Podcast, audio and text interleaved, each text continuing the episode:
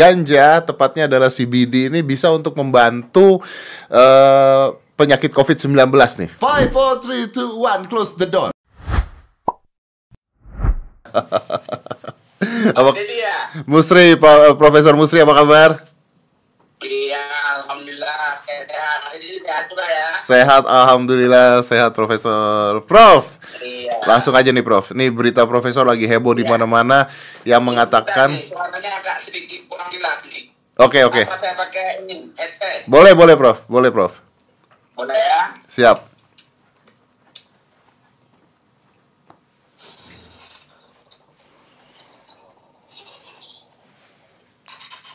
Oke, jelas, jadi. Ya, Prof. Ah, itu baru. Jelas, Prof? Iya, iya. Oke. Ah, jelas, jelas. Baik, Prof. Ini berita Profesor lagi heboh di mana-mana karena uh, mengatakan bahwa penggunaan uh, ganja, tepatnya adalah CBD ini bisa untuk membantu uh, penyakit COVID-19 nih. Iya. Iya, ini sebenarnya berdasarkan uh, dari hasil kajian-kajian orang, saya tidak melakukan ini karena kita di sini belum mendapat lisensi untuk melakukan itu. Ya, betul. Hanya saja, ya, ya hanya saja bahwa kasus-kasus yang melibatkan bisa jelas didengar? Jelas, jelas, Profesor.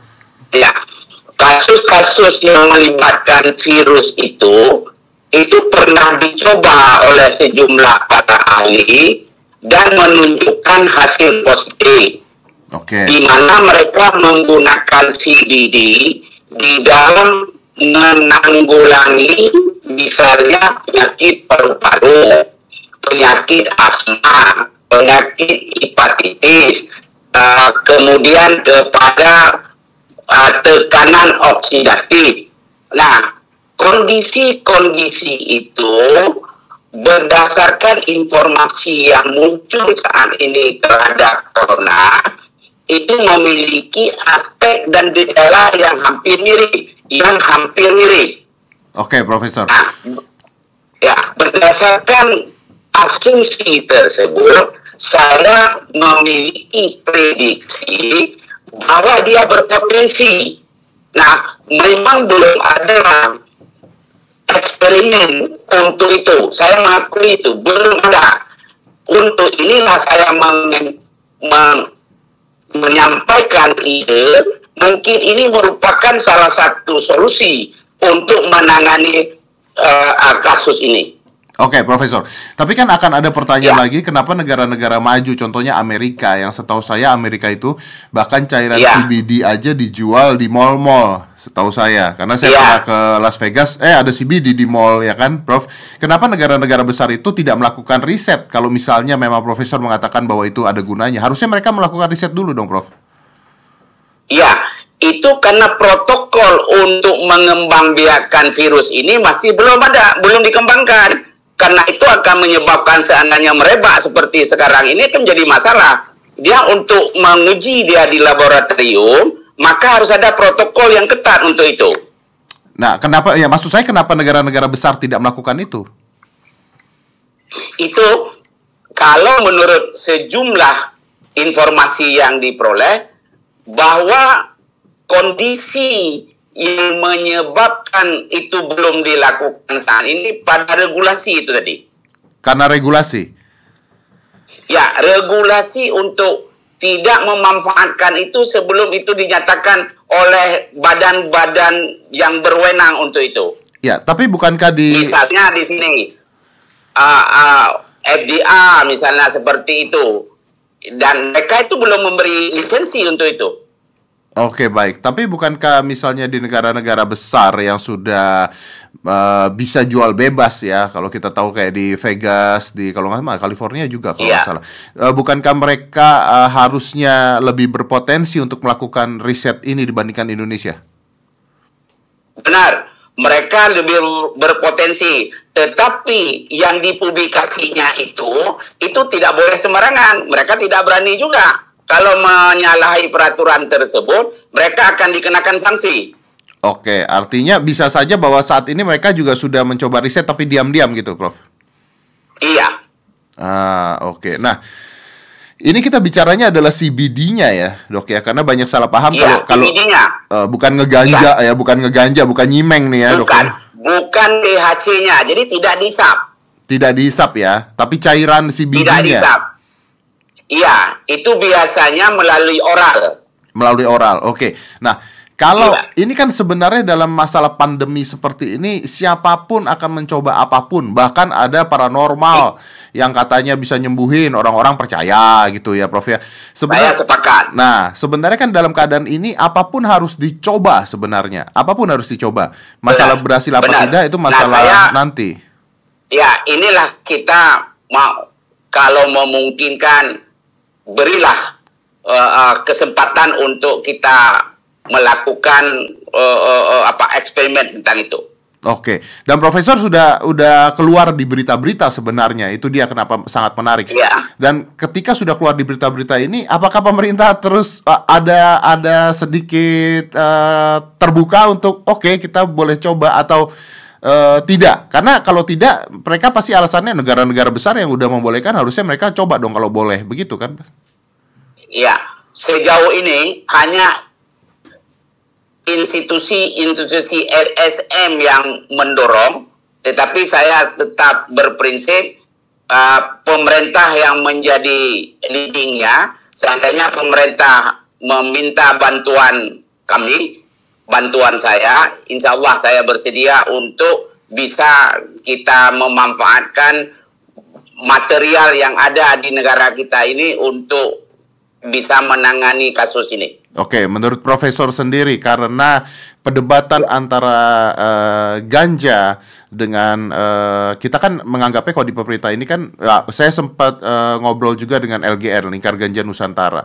Ini kan heboh sekali bahwa yeah. ganja dianggap sebagai peringkat satu paling bahaya, sedangkan katanya tidak ada kasus kematian. Jadi ini kan memang kontradiksi yeah. sekali dan ributnya dari dulu nih, Prof. Ya, tapi saya nggak mau bahas itu karena saya ada saya pernah bahas itu juga di podcast saya. Yang saya mau bahas adalah apakah yeah. dengan hal seperti ini dan saat ini ada kemungkinan pemerintah bisa memberikan izin dengan semua kesulitan yang pernah kita tahu ini dari dulu nggak bisa gitu loh, Prof. Iya, iya. Uh, berdasarkan kepentingan, berdasarkan kebutuhan, itu semuanya dapat berubah. Bila kepentingan itu dianggap bahwa ini merupakan salah satu alternatif untuk menyembuhkan, saya pikir pemerintah juga akan membuka hati untuk itu. Oke, okay. saya sempat nonton di ILC uh, eh, ketika BNN uh, eh, berdebat dengan LGN. Itu BNN sempat yeah. mengatakan kalau memang uh, riset tujuannya benar dan bagus dan sebagainya, tidak ada masalah selama ini riset dan itu akan uh, akan disediakan. Yeah. Itu katanya, Prof. Itu katanya, yeah. ya. Nah, Profesor melihat ya, itu gimana? Apakah apakah bisa nih, Prof? Maksudnya gini, Profesor sendiri yakin tidak? Kalau saya kok tidak yakin bahwa ini ya, akan dibantu. Uh, tahun 2015 dahulu, saya pernah mengajukan dengan institusi LJN itu uh, proposal ke Menteri Kesehatan untuk menangani diabetes dengan CBD. Dan secara prinsip Menteri Kesehatan memberi izin untuk itu namun terkendala dengan masalah pengadaan bahan bakunya. Nah, dari segi itu, berdasarkan sejumlah literatur yang yang ada uh, dari aspek pemahaman saya bahwa dia memiliki prospek yang mencerahkan untuk menangani kasus uh, uh, corona ini. Oke, artinya akan ada kesempatan. Bisa nih dok, bisa profesor, bisa. Bisa. Apakah Profesor Bisa. udah bicara dengan uh, pihak uh, Menkes saat ini? Uh, itu ada teman saya dari LJN, dari Ibu uh, uh, ada di Jakarta. Mereka sedang melakukan pendekatan uh, dengan instansi terkait. Oke, dan uh, sampai sekarang gimana kabarnya, Prof? Positif kah? Iya, enggak kedengaran. Uh, apakah apakah sekarang uh, kabarnya positif mereka udah mulai terbuka atau didiamkan saja? Belum belum dapat. Saya belum dapat informasi lebih lanjut dari mereka. Belum dapat informasi lebih lanjut dari mereka. Oke, kalau begitu artinya ya. Profesor juga mengatakan bahwa CBD sebenarnya bisa untuk SARS. Iya, ya dalam kasus seperti itu SARS, MAS juga memiliki kesamaan uh, mekanisme. Oke, jadi memungkinkan ya, Prof. Ya? Berdasarkan kesamaan mekanisme tersebut dan obat-obat yang digunakan juga menunjukkan kesamaan sikap, maka saya berprinsip kalau demikian dia memiliki kesesuaian aspek-aspek yang didukung untuk penggunaan CBD itu. Oke, dan kalau riset ini diberikan, bagaimana ini dilakukan, Prof? Di tempat uh, tertutup uh, yang diawasi, karena kan biasanya seperti itu yang ditakutkan adalah penyalahgunaan, kan? Iya, kalau saya mengusulkan kita mengekstraknya di suatu tempat, misalnya boleh di uh, Kemenkes di Tawamangun. Kemudian setelah diekstrak itu diberi kepada pemerintah, pemerintah memberi kepada sejumlah dokter untuk menguji coba. Ah, oke. Okay. Jadi itu proposal profesor ya? Iya. Oke, okay, oke. Okay. Dan saya sempat dengar juga dari LGN bahwa sebenarnya banyak dokter-dokter ini yang uh, setuju bahwa ganja itu banyak sekali manfaatnya untuk kesehatan katanya. Benar. Itu dari sejumlah literatur juga. Oke. Oke, dari sejumlah literatur juga. Ya. Nah, di sini ya, kan saya karena itu sudah diuji coba di tempat-tempat tertentu. Nah, mereka menyampaikan informasi itu dengan demikian kita mengumpulkan berdasarkan itulah dikeluarkan pernyataan.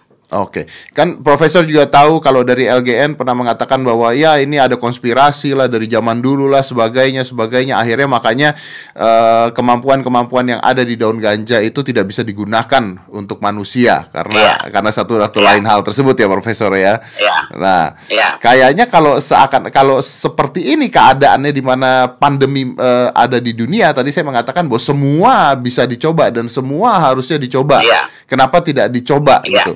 Nah perjuangan profesor sendiri sampai sekarang ini uh, karena karena saya saya rasa cuman anda doang yang sekarang berani ngomong ini, Prof.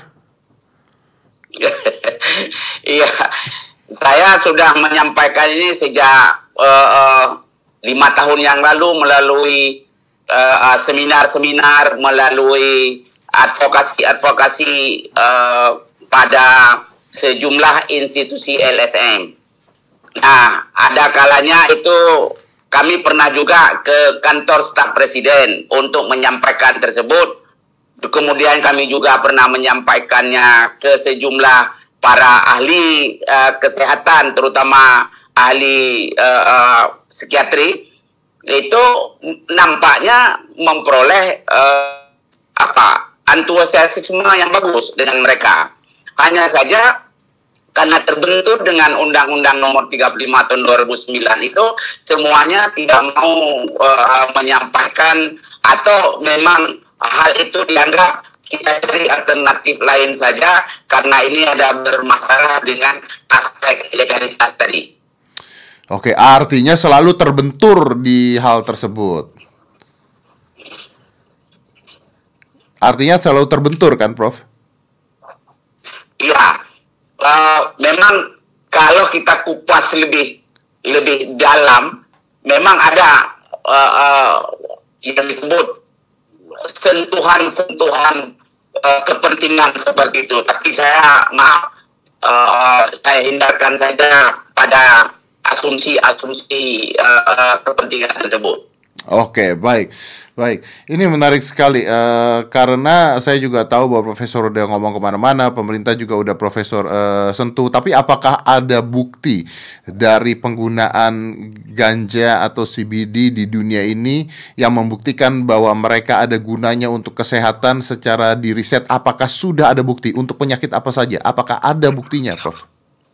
Iya, uh, dari segi penggunaan testimoni testimoni karena kita kadang-kadang tidak juga berani mengungkapkan si pelaku karena aspek itu tadi, tapi karena faktor ketiadaan biaya dan faktor kultur di masyarakat terutama di daerah kami ini itu mereka menggunakan misalnya akar ini maaf ini untuk menangani diabetes. Ya. Kemudian jus dari daun itu dibuat jus, kemudian menangani penyakit uh, selului. Itu seperti itu. Kemudian untuk aspek kecantikan juga, maka jus yang berasal dari daun itu dibuat masker dan itu untuk mempercantik, memperketat wajah wanita. Itu digunakan juga di sini. Oke, okay, oke. Okay. Dan menurut Nah, kondisi-kondisi yang seperti itu karena mereka di sini ya secara kultur sudah menggunakannya ya menjadi seperti biasa. Tapi kemudian pada tahun 1976 itu sudah dilarang, tidak menjadi bahagian yang ditindaklanjuti kemudian. Tapi itu merupakan testimoni-testimoni yang orang sudah pernah melakukannya. Saat ini mereka tidak melakukannya lagi. Ya, ya, karena takut intinya kan, Profesor? Karena takut itu kan masa lalu. Ya, tapi kan masalah dulu. Tapi, Seharusnya hmm. kearifan lokal seperti itu itu perlu disikapi. Kemudian coba ada pembatasan-pembatasan tertentu untuk mengobati dirinya sendiri. Ya, tapi kan sebenarnya di sini hal yang berbeda ya, Prof ya. Karena kalau itu dikatakan bahwa kan yang sebenarnya dilarang itu kan untuk rekreasional kan sebenarnya, untuk rekreasi. Benar, kan? benar. Nah, ini kan bukan untuk rekreasi benar. kan? Bukan. Inilah di sini pemahaman itu akan membentuk tindakan.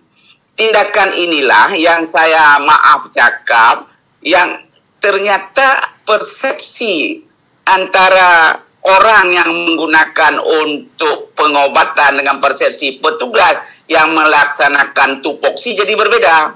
Iya, iya, iya. Tapi kan profesor juga tahu di sini nanem aja walaupun nggak pakai kena, Prof. Iya, nah itu dia menjadi batasan-batasannya itu. Jadi tidak jelas batasannya sebenarnya. Seharusnya inilah harus duduk lagi, coba diperjelas mana yang sebenarnya batasan yang tidak absu, yang tidak menurut seseorang bisa menafsirkan berbeda dengan orang lain. Nah di situ. Oke. Okay. Oke, okay, Profesor sendiri harapannya setelah uh, mempublikasikan hal ini dan uh, heboh di mana-mana di media juga heboh, nama Anda juga ke bawah.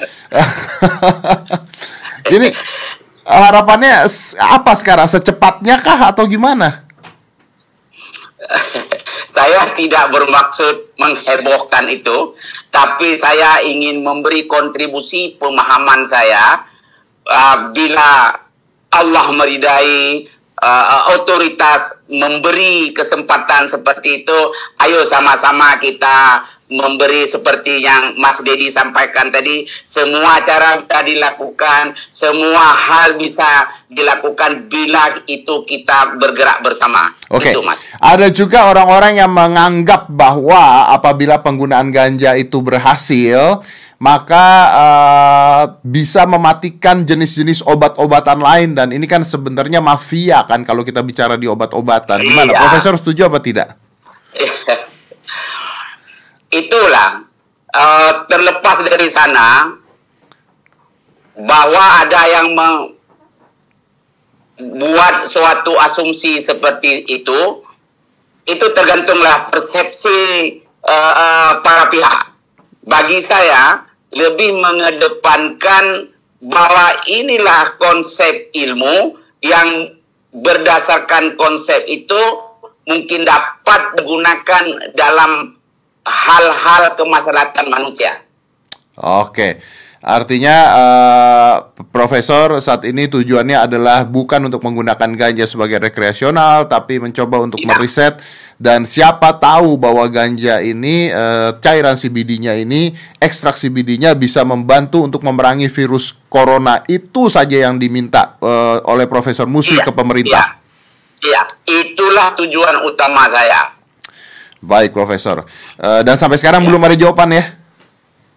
belum ada jawaban. Mudah-mudahan dengan uh, siaran Mas Dedi nanti ini ada jawaban. Ah, Oke, okay. Profesor. Menurut Profesor, okay. menurut Profesor, apakah iya. jawabannya ya. akan boleh apa tidak?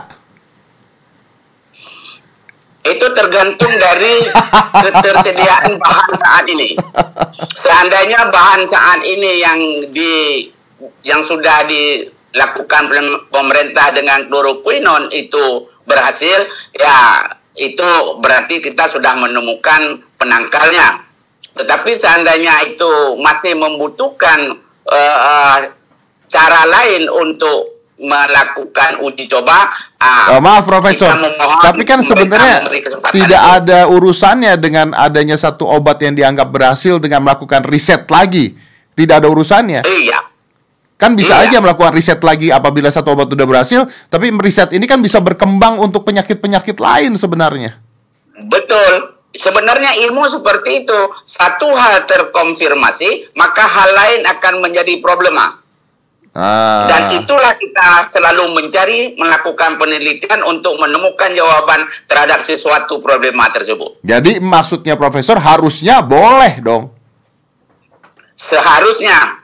Seharusnya seharusnya. tapi bagaimana, tapi bagaimana kita tidak berada pada pihak mengambil keputusan, tapi pada pihak hanya sebagai ilmuwan yang memiliki perspektif yang sedikit itu hanya menggambarkan sesuatu yang memungkinkan yang berpotensi untuk penanganan ini. Oke, Profesor. Kalau gitu kita hanya bisa menunggu dan melihat artinya sampai sekarang. Iya, ya, semoga ini usaha Mas Dedi juga pemikiran-pemikiran ini juga mendapat uh, sambutan yang yang positif dari otoritas. Baik, Profesor. Terima kasih banyak, Profesor. Sehat-sehat terus di sana. Ya, sama-sama, Mas Dedi. Jaga Semoga badan, jaga jarak. Sehat-sehat terus, Profesor. Terima ya. kasih banyak, Prof. Thank ya. you, Profesor. Iya. Oke, tapi kita mau kasih tahu juga buat penonton kita ini bahwa di sini bu bukan mengkampanyekan penggunaan ganja untuk rekreasional ya diingat lagi ya. Jadi bukan artinya habis ini terus oh berarti cimeng bisa nyembuhin. Nggak nggak seperti itu. Di sini adalah mengambil sebuah uh, essence dari ganja tersebut yang disebut dengan CBD dan CBD ini akan diperiksa lagi diteliti lagi. Mudah-mudahan siapa tahu bisa membantu uh, penelitian karena memang dari dulu kita sudah tahu tentang dilema, tentang kontradiksi, tentang uh, konspirasi katanya, tentang uh, menggunakan hal ini. Tapi ya uh, dalam keadaan pandemi seperti ini saya rasa kalau dukun saja, kalau dukun saja yang katanya wah bisa nyembuhin jarak jauh gitu ya. Itu aja tidak ditangkap sama polisi uh, walaupun menurut saya sudah melakukan penipuan hal tersebut kan ada tuh yang masukin virus sendiri terus katanya bisa nyembuhin orang dan sebagainya. Maka dalam keadaan uh, tertekan harusnya kita bisa mencoba segala suatu kemungkinan. Dan kemungkinan ini sebenarnya tidak uh, melanggar hukum sama sekali. Karena yang digunakan adalah bukan untuk rekreasi bukan untuk ngeganja bukan untuk nyimeng tapi untuk kesehatan. Saya rasa segala bentuk atau benda apa pun itu uh, khususnya makhluk hidup ya karena tumbuhan juga makhluk hidup yang diciptakan oleh Allah pasti ada gunanya untuk manusia apabila kita teliti lebih lanjut lagi. Oke, okay, uh, eh, thank you. Mudah-mudahan ini bisa memberikan sedikit pandangan tentang apa yang terjadi uh, saat ini dan itu adalah pembicaraan saya dengan Profesor Musri. Five, four, three, two, one, close the door.